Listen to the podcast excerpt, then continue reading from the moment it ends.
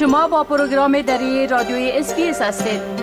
گزارشات عالی را در sbs.com.au دری پیدا کنید.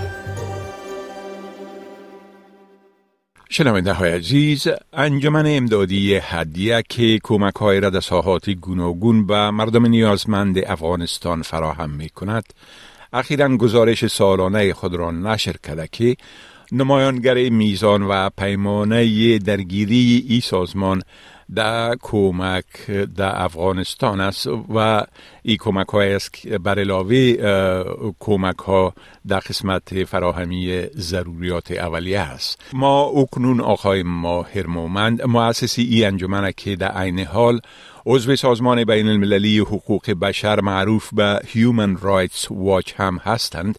با خود داریم تا درباره کارهای امدادی سازمان هدیه که تا حال در افغانستان انجام داده و برنامه های آیندهشان معلومات بتن.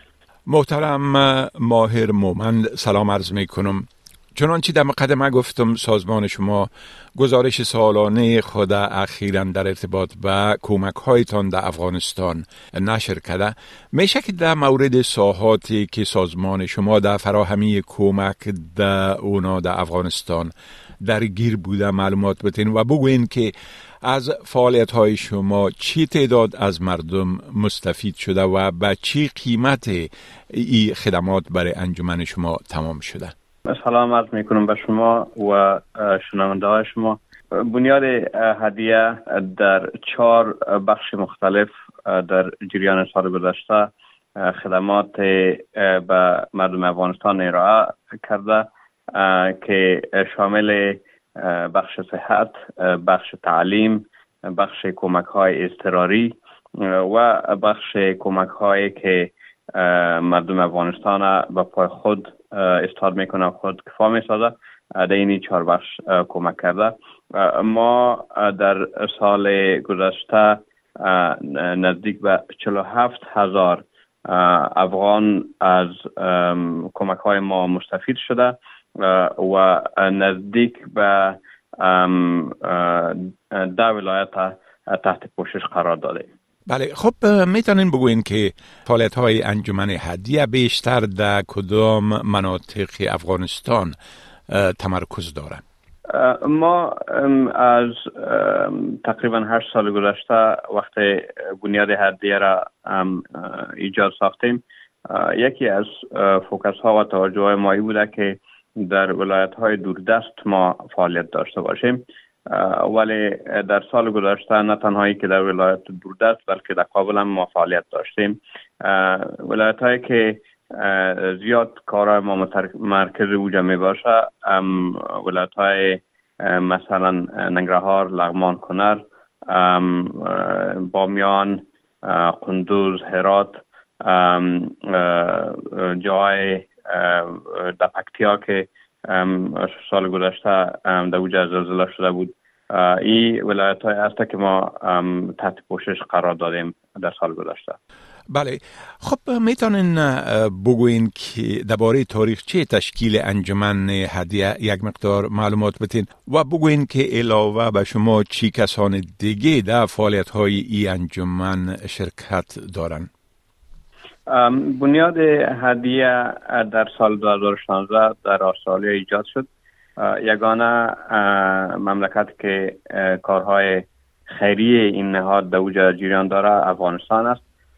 در استرالیا ما خود ما دوستان ما کمک می‌کنیم. و او کمک ها به افغانستان می‌رسه. در چهار بخشی که پیشتر عرض کردم ما خدمت ارائه می‌کنیم. در این چهار بخش هم مثلا وقتی ما می‌گوییم که در بخش صحت کمک می‌کنیم این به این معناست که ما پروژه های مختلف در بخش صحت داریم. یکی از جمله از اونا فراهمآوری ملتی ویتامین است به خانم ها و اطفال افغانستان. طور که به شما معلوم است در دو سال گذشته حالت اقتصادی مردم افغانستان وخیم شده. و همه مردم به دسترسی به مال غذایی صحی کامل که به انسان بدن ضرورت است به او نداره. ما دست به دست می‌شویم و ملتی ویتامین به افغانستان روان می‌کنیم که در سال گذشته هم ما هزارها نفر تحت از این برنامه پوشش داریم. وقتی از تعلیم صحبت می‌کنیم ما کتابخانه کتابخانه های سایر داریم که در ولایت های مختلف کار می‌کنه به اطفال کتاب توضیح می‌کنه و در سال گذشته تعداد کسایی که از کتابخانه ما مستفید شده به بیشتر از 200 هزار باشین بیشتر از 28 هزار نفر در سال گذشته بوده و بیشتر از 202 هزار نفر از شروع فعالیت های ما بوده. که در این 54 فیصد از کسایی که کتاب به دست آوردن دختر خانما می باشد در ولایت های دست افغانستان. بله. خب می‌تونین بگوین که کارها و فعالیت های انجمن شما چطور تمویل میشه؟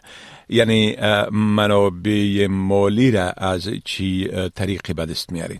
منابع مالی هدیه foundation بنیانگذارای هدیه foundation خودشان کمک می‌کنند. دوستای افغان که مستقیم استرالیا هستند همیشه با ما کمک کردند که ما ازشان تشکری می‌کنیم. به خاطر از که به هموطنهایشان فکر می‌کنند افغانستان کمک روان می‌کنند. و بعضی نهادهای دیگر کوچک امرای ما کمک کرده مثلا در سال گذشته بانک اسلامی استرالیا که یک نهاد نو است. اونا همرای ما کمک کردن یک مبلغ 5000 دلار.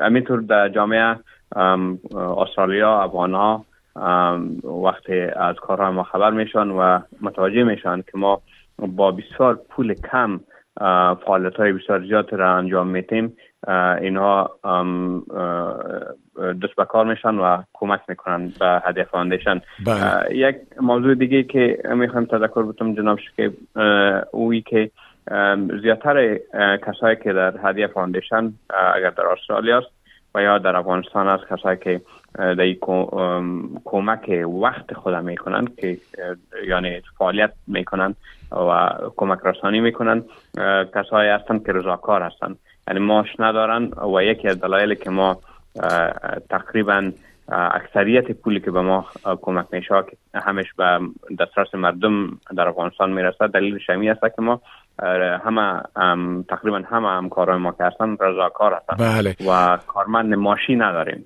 درست. خب در پایان اگر بگوین که پلان ها و برنامه های آینده تان در افغانستان در قسمت فراهم کردن امداد از چی قرار است؟ فعلا ما روی برنامه کمک جمع کردن به افغان های هستیم که از پاکستان بدبختانه به زور اخراج شدن.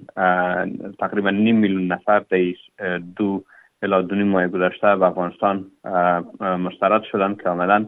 زیادتر مردم ها حتی ولایات و قریه های خود ندیدن به خاطر که چل چل پنج سال در پاکستان زندگی کردن و زندگی برشان بسیار زیاد سخت است. ما امی دو ماه گذشته وقتی اینا از ترخم میان به طرف افغانستان و در مستقر میشن به صورت چند روزه. در اوجه برشان تشناب ساختیم به خاطر که به خانما و اطفال بسیار مشکل بود. امی حالت و فعلا روی ازی کار می‌کنیم که افغانای ما کمک بکنند که به اینها ما امدادهای اضطراری را برشان برسانیم. بله خب آقای ماهر مومند مؤسس انجمن هدیه از شما به خاطر این معلوماتتان تشکر می‌کنم و برتان موفقیت می‌خوایم تشکر بسیار می خواهید این گونه گزارش ها را بیشتر بشنوید؟ با این گزارشات از طریق Apple Podcast، Google Podcast، Spotify و یا هر جایی که پادکاستتان را می گیرید گوش دهید.